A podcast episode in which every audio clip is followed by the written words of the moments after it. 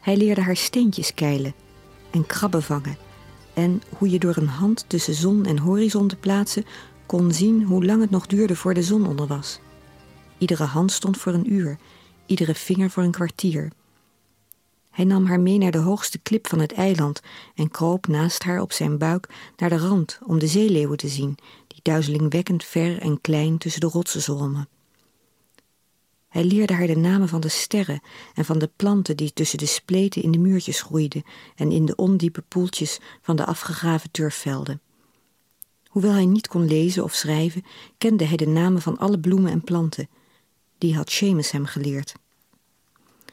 Ze ging nog één keer naar de boekwinkel om Seamus te vragen hoe het kwam dat zijn broer zo was, maar hij gaf een ontwijkend antwoord. Ze zag dat hij haar belangstelling verkeerd uitlegde, haar opdringerig vond en al te nieuwsgierig. Daarna zocht ze hem nooit meer op en ze ging ook nooit meer naar de kerk om een kaars voor hem op te steken. Ze dacht nog vaak terug aan de dans met Michael in het donker, maar vergat waarvoor ze hem had willen gebruiken.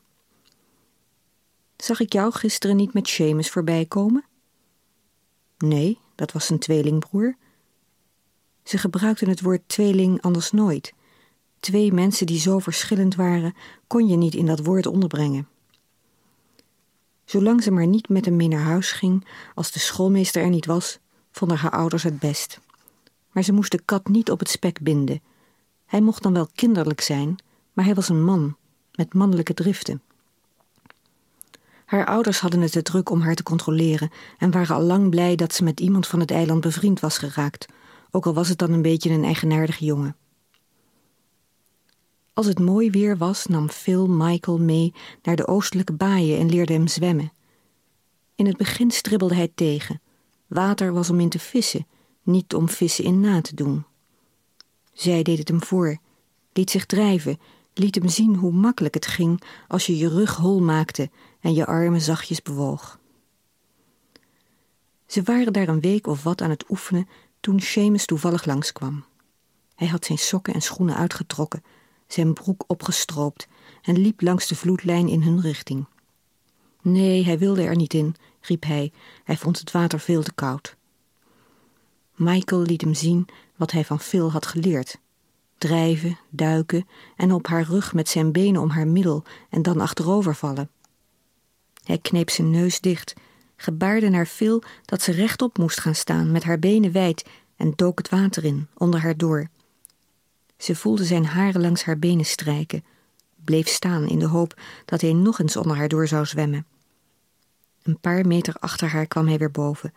Ze hoorde hem snuiven, voelde dat hij zijn haren droog schudde, de spatten op haar warme huid. Tot nu toe waren alle aanrakingen zo toevallig, terloops. Ze was zo in gedachten verzonken dat ze niet merkte dat Seamus al een tijdje naar haar keek. Hoe ze daar stond tot aan haar heupen in het water, handen in de zij, zich glimlachend omdraaide en naar zijn broer toewaadde, die zich op een teken van haar in het water uitstrekte. Voor een golf over zijn gezicht kon spoelen, legde Phil vlug een hand onder zijn achterhoofd, de andere in de holte van zijn rug. Het was net alsof ze zijn broer door het water droeg, alsof hij niet zwoog in haar tengere armen. Zij leerde Michael zwemmen en hij leerde haar het eiland kennen. Ze spraken amper, alleen als ze iets vroeg of als het niet anders kon. Hij sprak door haar dingen aan te wijzen. Konijnen op een heuvel in het licht van de ondergaande zon, dat dwars door hun opstaande oren heen scheen, over hun vacht scheerde, waardoor al hun haren oplichtten, rood, vuurrood, je dacht het te horen knetteren. Zo onverwacht wees hij op wonderbaarlijkheden dat het leek alsof zijn vinger de staf was waarmee hij alles tevoorschijn toverde. In het begin wilden ze altijd praten over hun ontdekkingen, maar langzaamaan verzoende ze zich met zijn zwijgzaamheid en hield het praten in haarzelf ook op.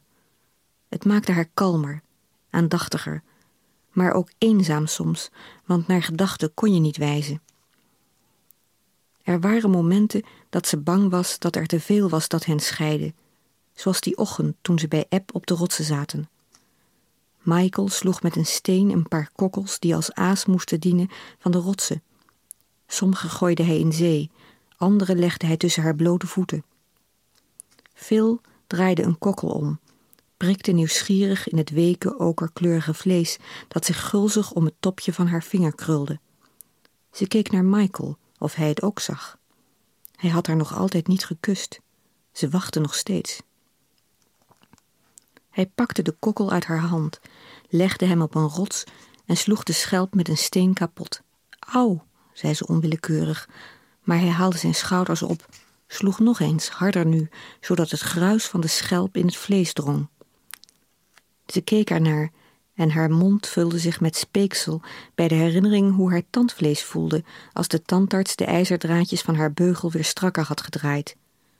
Terwijl hij de schilfers van de kokkel pelde, vertelde zij hem dat ze zich voorstelde dat ergens, boven hen, zo ver dat je het niet kon zien, iemand zich nu over hen heen boog.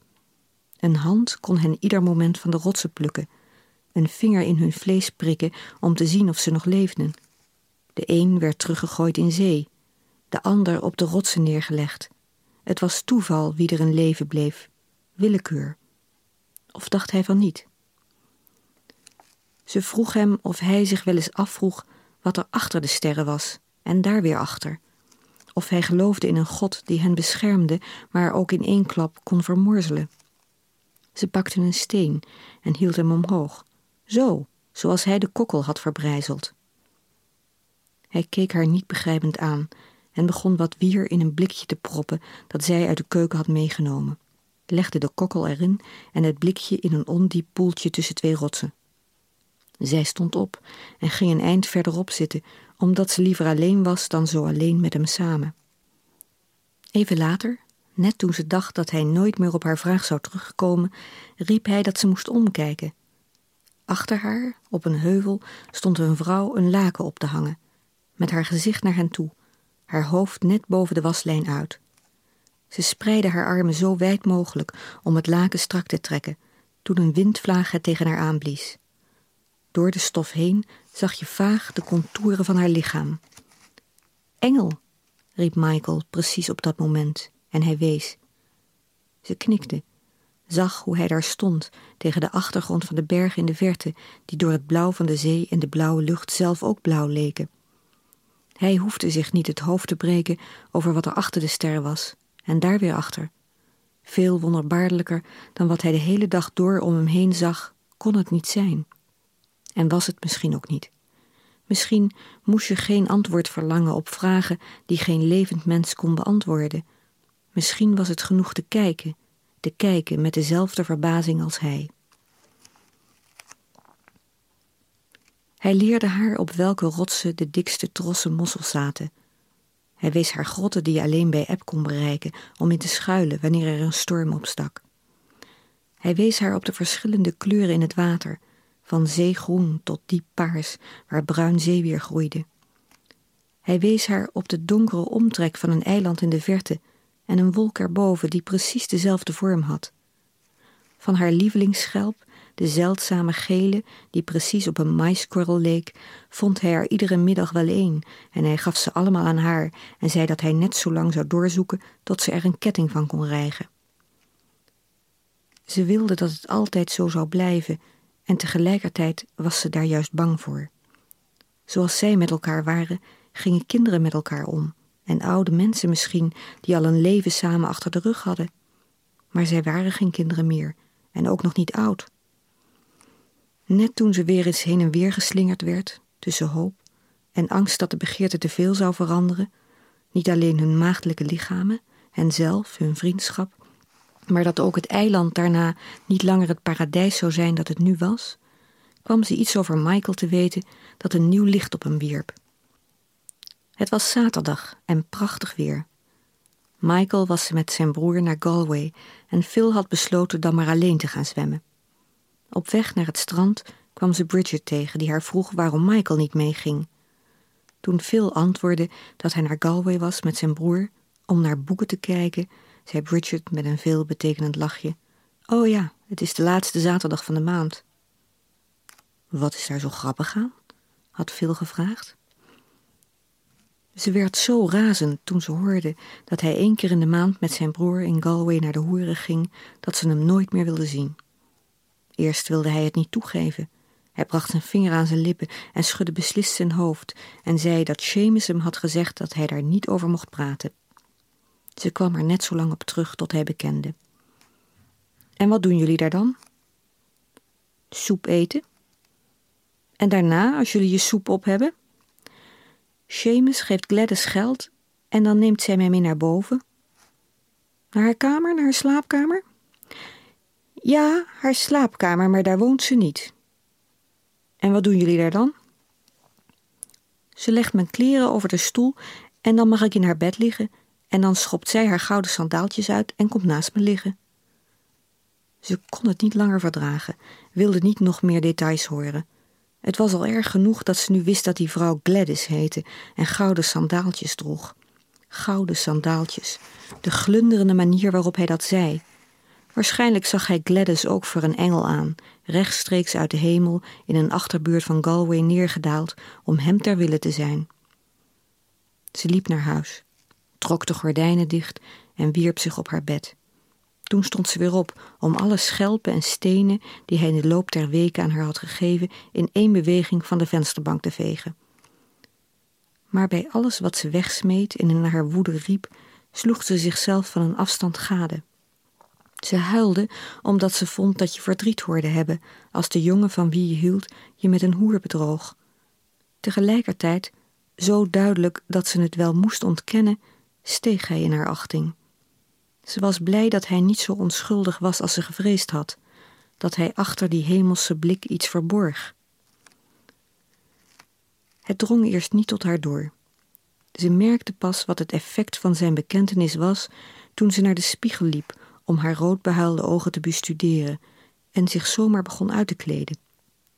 Ze stelde zich voor dat Michael achter haar in bed lag en via de spiegel naar haar keek, zoals hij naar Gladys gekeken had. Ze zette haar voet op een stoel en begon een onzichtbare kous van haar been te stropen, gooide hem achterloos over de stoel waar zijn kleren al lagen. Al die tijd had hij haar niet durven aanraken, omdat het niet mocht. Eerst van zijn ouders niet, van de pastoor niet en nu van Seamus niet. Zoiets deed je niet met een net meisje. Zo ging dat hier, nog steeds, maar zij zou hem van die dorpse denkbeelden verlossen. Morgen zou ze hem zeggen dat hij niet meer naar dat café moest gaan. Je hebt mij nu toch? Wat je met Gladys doet, kun je toch ook met mij doen? Op de laatste zaterdag van de maand liep ze naar de haven om zich ervan te vergewissen dat Michael niet met de boot meeging. Hij had beloofd dat hij niet meer zou gaan, maar ze wilde het met eigen ogen zien. Ze liep de pier af, helemaal tot aan de loopplank en wachtte tot de laatste passagiers aan boord waren. Aan dek was hij niet. Binnen vast ook niet, met dit mooie weer, en Seamus zag ze ook nergens. Ze zwaaide naar een Engels echtpaar dat een paar dagen in het pension had gelogeerd en dacht dat zij speciaal naar de boot gekomen waren om van hen afscheid te nemen. Pas toen de trossen losgegooid werden, keerde ze zich om, neuriënd, want een duidelijker teken had Michael haar niet kunnen geven. Als het hooi binnen was, al heel gauw, zou er een groot feest op het eiland gehouden worden. S'morgens was er een markt waar iedereen iets verkocht en waar je kon zaklopen, touw trekken en op kartonnen konijnen schieten. Iedereen bakte of maakte iets. Dat ging al jaren zo. Smiddags was er een voetbalwedstrijd tegen een ander eiland en s'avonds een feest dat de hele nacht zou duren. Hallo. Ze keek op.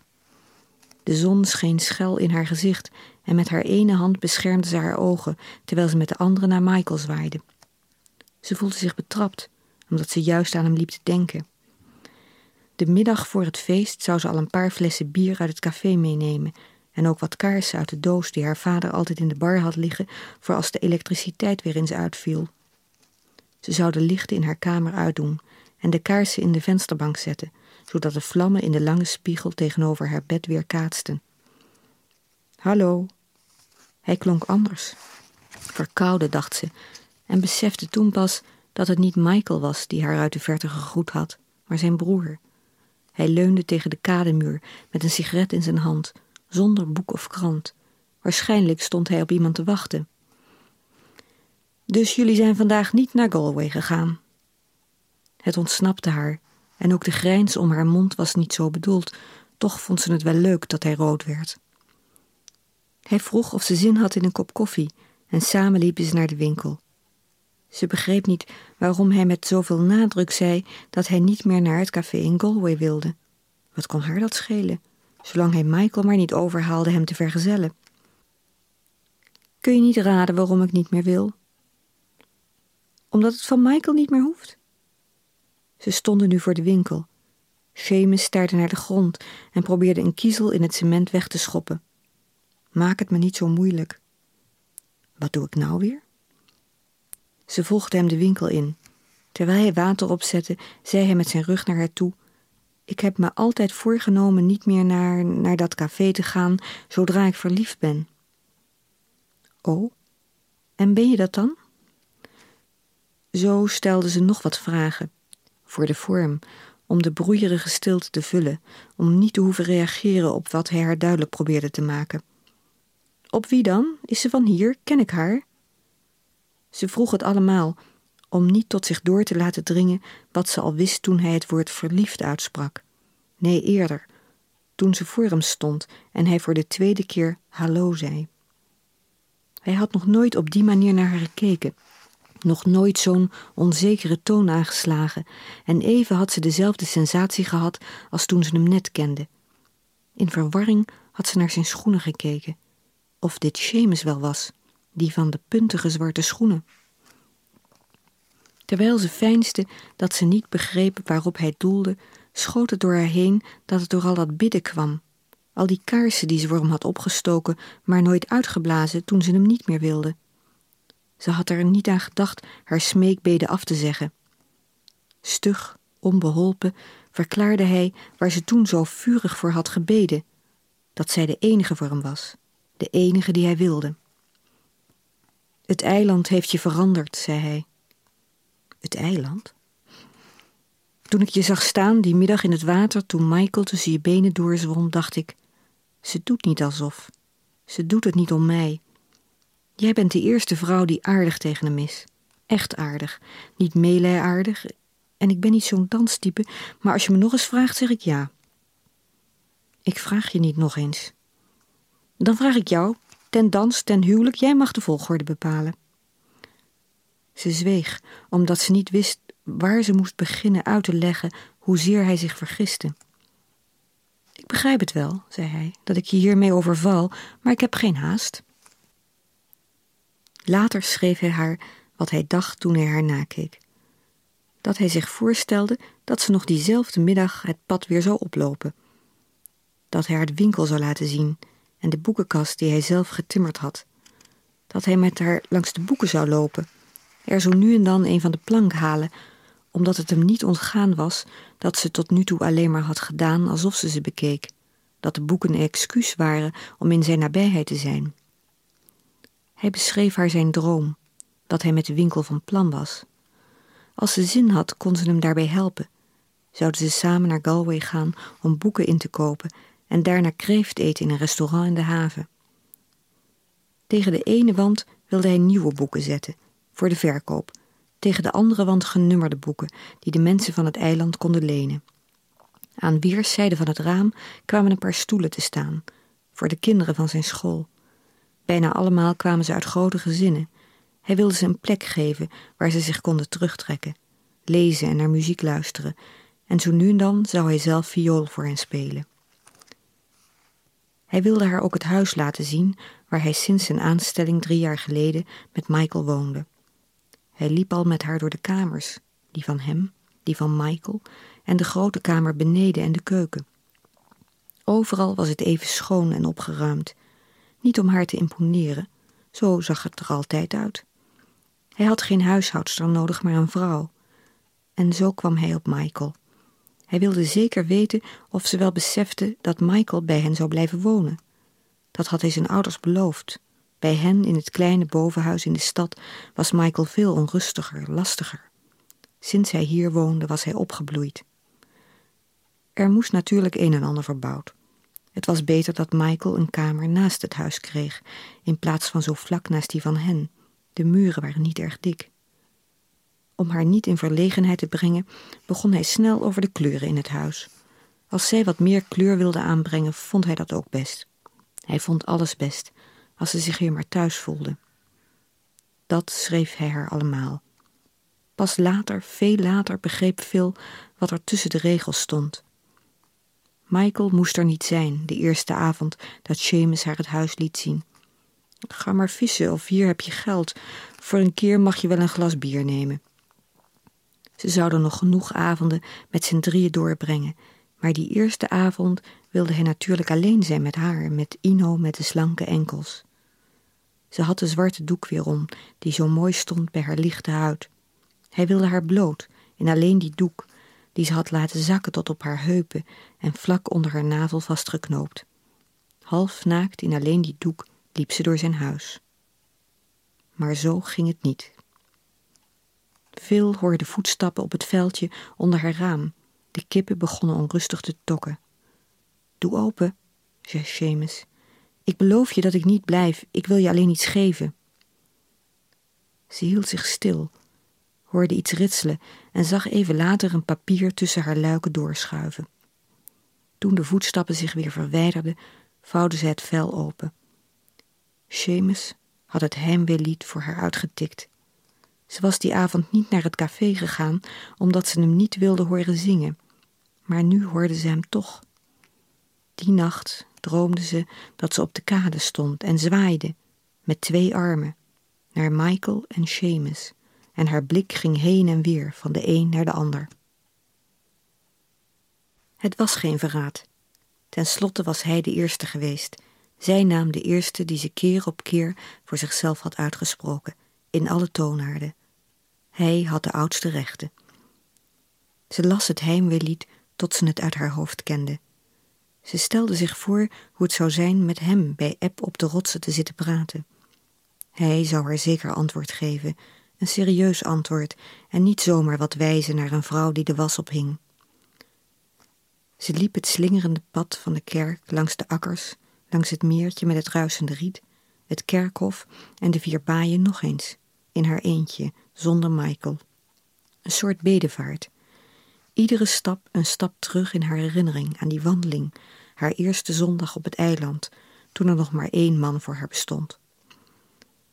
Ze liep tot ze bij het huis was met de zwart-witte luiken en dacht, hier zal ik wonen als ik met hem trouw. Ik word de vrouw van de onderwijzer, onderwijzersvrouw. Het klonk als een graad in iets heel verstandigs. Verstandig was niet in tegenspraak met verliefd. Een verstandige beslissing tilde je ook op, maakte ook groter, verhevener. Ik word de vrouw van de violist, de dichter, de begeerlijkste vrijgezel van het eiland. Alice zou er alles voor over hebben om hem te krijgen, en Anne en Flo ook. En wie niet? Ik kan niet mijn leven lang op mijn buik in het gras naar zeeleeuwen kijken en brandende konijnen. Terwijl ze daar stond, tegen het muurtje geleund dat de tuin van de broers omheinde, kwam Paddy op haar afrennen met iets wits in zijn bek. Een dode meeuw of een door de zon gebleekte schapenschedel. Ze deinsde achteruit, maar toen hij het ding aan haar voeten legde, zag ze dat het een lekke witte voetbal was. Ze aaide de hond over zijn kop, streek met een vinger over de zwarte plek tussen zijn ogen, steeds weer bezwerend, zoals ze over haar slapen streek als ze hoofdpijn had. In het huis hoorde ze Michael fluiten, het slomige klap van de plastic slippers die hij altijd aan had als ze hem afhaalde om te gaan zwemmen. Vlug liep ze door. Ze kon hem nu niet onder ogen komen. Ze had het niet voorbereid, maar toen ze voor Seamus in de winkel stond, vond ze dat hij het moest weten. Goh, je bent er, zei hij, je bent er. Het was hem aan te zien dat hij de laatste dagen nauwelijks geslapen had. Hij zweette een beetje en zijn handen trilden toen hij wat kranten van een kruk graaide. Maar ze ging niet zitten.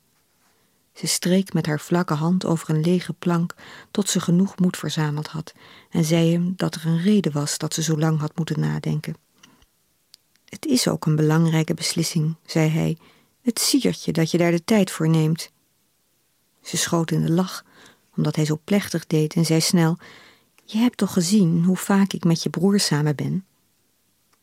Als je niets om hem gaf, zou het tussen ons ook niets kunnen worden. Maar het is niet wat jij denkt. Wat denk ik dan? Dat ik als een zusje voor hem ben? Een moeder dan? Een heel jonge moeder?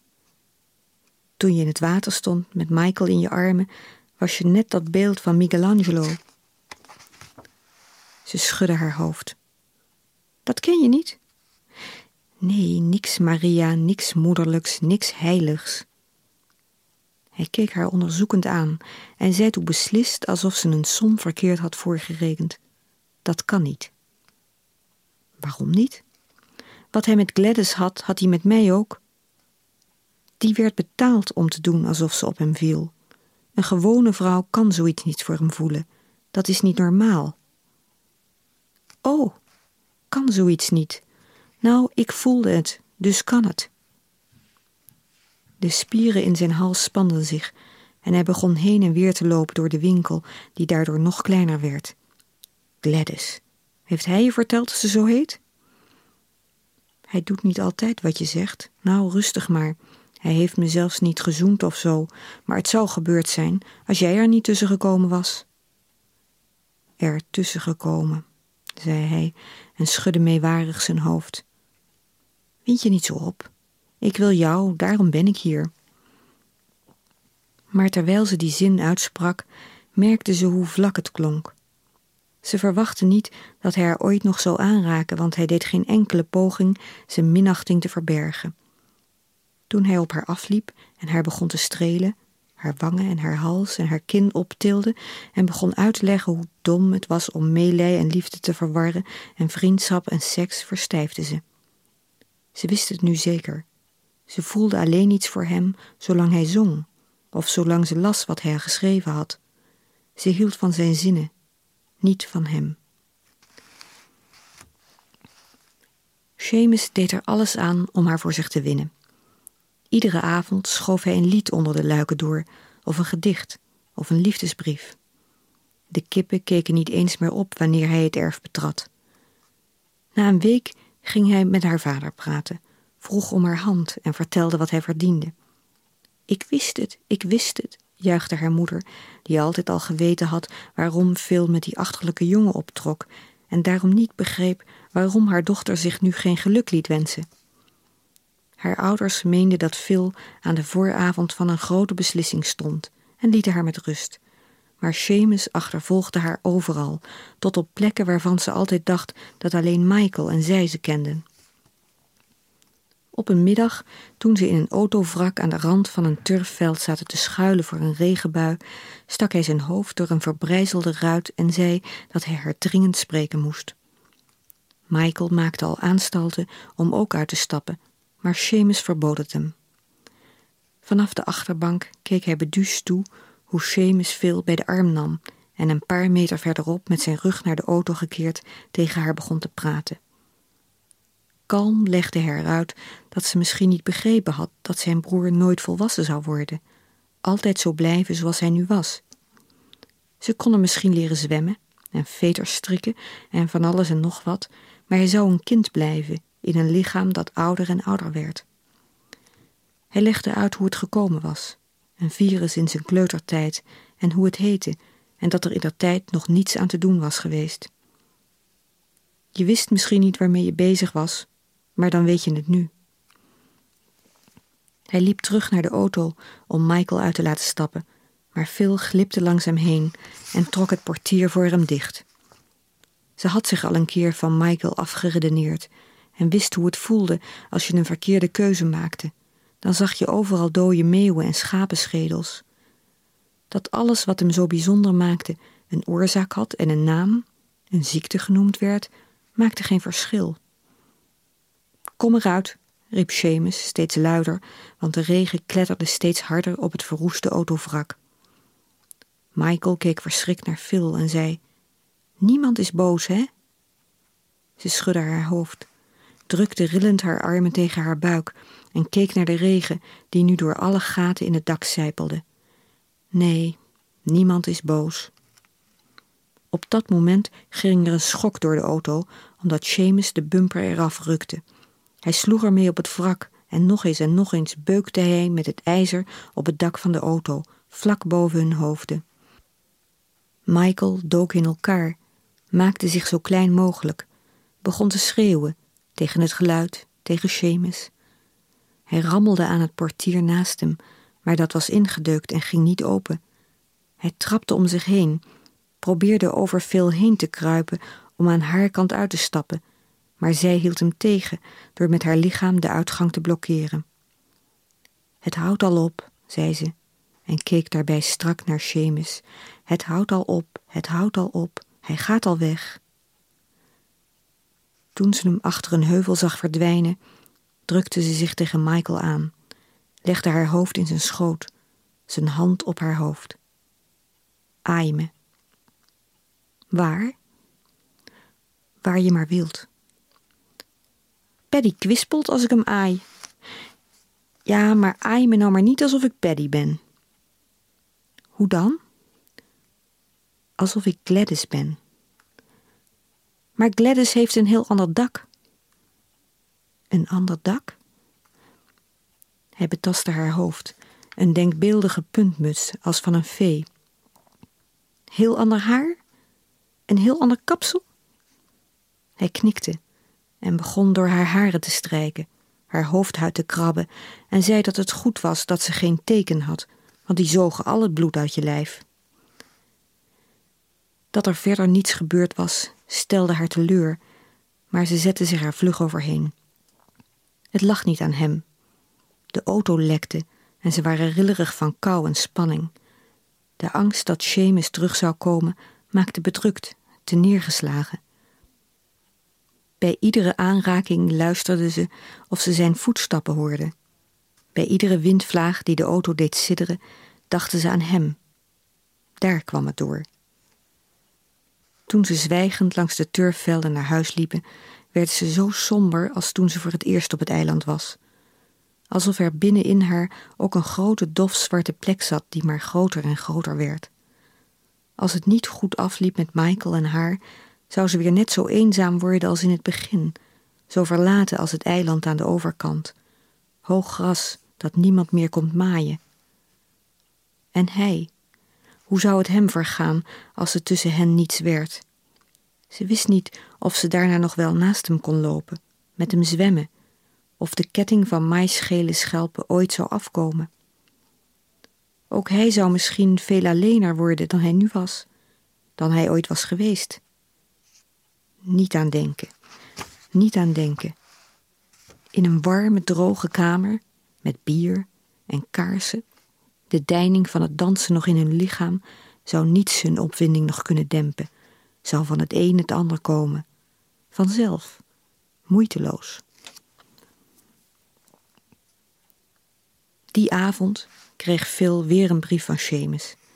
Hij schreef dat het hem speet, of ze hem kon vergeven. Je denkt dat ik jaloers ben, maar dat is niet zo. Hij is mijn enige broer, ik gun hem alles. Ik ben alleen doodsbang wat er met hem gebeurt als jij op hem uitgekeken raakt, als jij hem laat vallen, als je hem afdankt. Ik hoop dat je overmorgen op het feest komt. Ze verscheurde de brief, vroeg zich af wat ze kon doen om die stroom brieven te stoppen. Ze zou hem morgen gaan zeggen dat ze niet meer wilde dat hij haar schreef, dat ze zijn brieven ongeopend zou verbranden. Ze keek naar de luiken. Wilde ze wel dat het ophield. Zijn gedichten over het eiland had ze allemaal bewaard. Michael zag ze niet meer voor de dag van het feest. Ze had het veel te druk. Haar ouders zorgden ervoor dat ze voortdurend iets om handen had. Haar moeder wilde niet onderdoen voor de andere vrouwen van het eiland en bakte van ochtends vroeg tot avonds laat taarten, cakes en brownies om als prijs weg te geven op de grote dag. Iedere keer wanneer Phil weg wilde om met Michael te gaan zwemmen of boten kijken in de haven, verzon haar moeder weer een nieuw klusje. Phil zocht er niets achter, tot haar moeder op een ochtend, toen ze naast elkaar aan het aanrecht stonden, tot aan de ellebogen in het deeg, met een dun stemmetje zei: Besef je wel wat je weggooit? Phil kwakte het deeg dat ze tot een bal aan het kneden was tegen de tegels. Hij heeft met jullie gepraat. Godver de godver. Ik wil niet dat hij met jullie over mij praat. Haar moeder opperde voorzichtig dat Seamus alleen maar had gedaan wat ieder weldenkend mens zou doen. Dat hij zich zorgen maakte, dat ze zich allemaal zorgen maakten. Ze begon zachtjes te huilen. Dat je Seamus laat schieten voor een debiel. Dat is hij niet. We zijn niet bekrompen. Een neger, een jood, een protestant desnoods... of iemand met een licht gebrek maar verder goed bij zijn hoofd. Maar dit... Ze schudde haar hoofd. Ze kon er niet bij. Seamus zegt dat het komt doordat hij jou eerst heeft afgewezen... doordat je hem niet krijgen kon, dat je je daarom... Zeg hem maar dat hij mij al lang niet meer wil... dat hij alleen nog maar achter me aan zit omdat hij me niet krijgen kan. Zeg hem dat maar. Een dag later probeerde haar moeder een andere strategie. Op welwillende toon zei ze dat ze eens goed hadden nagedacht en dat ze tot de conclusie gekomen waren dat veel gelijk had.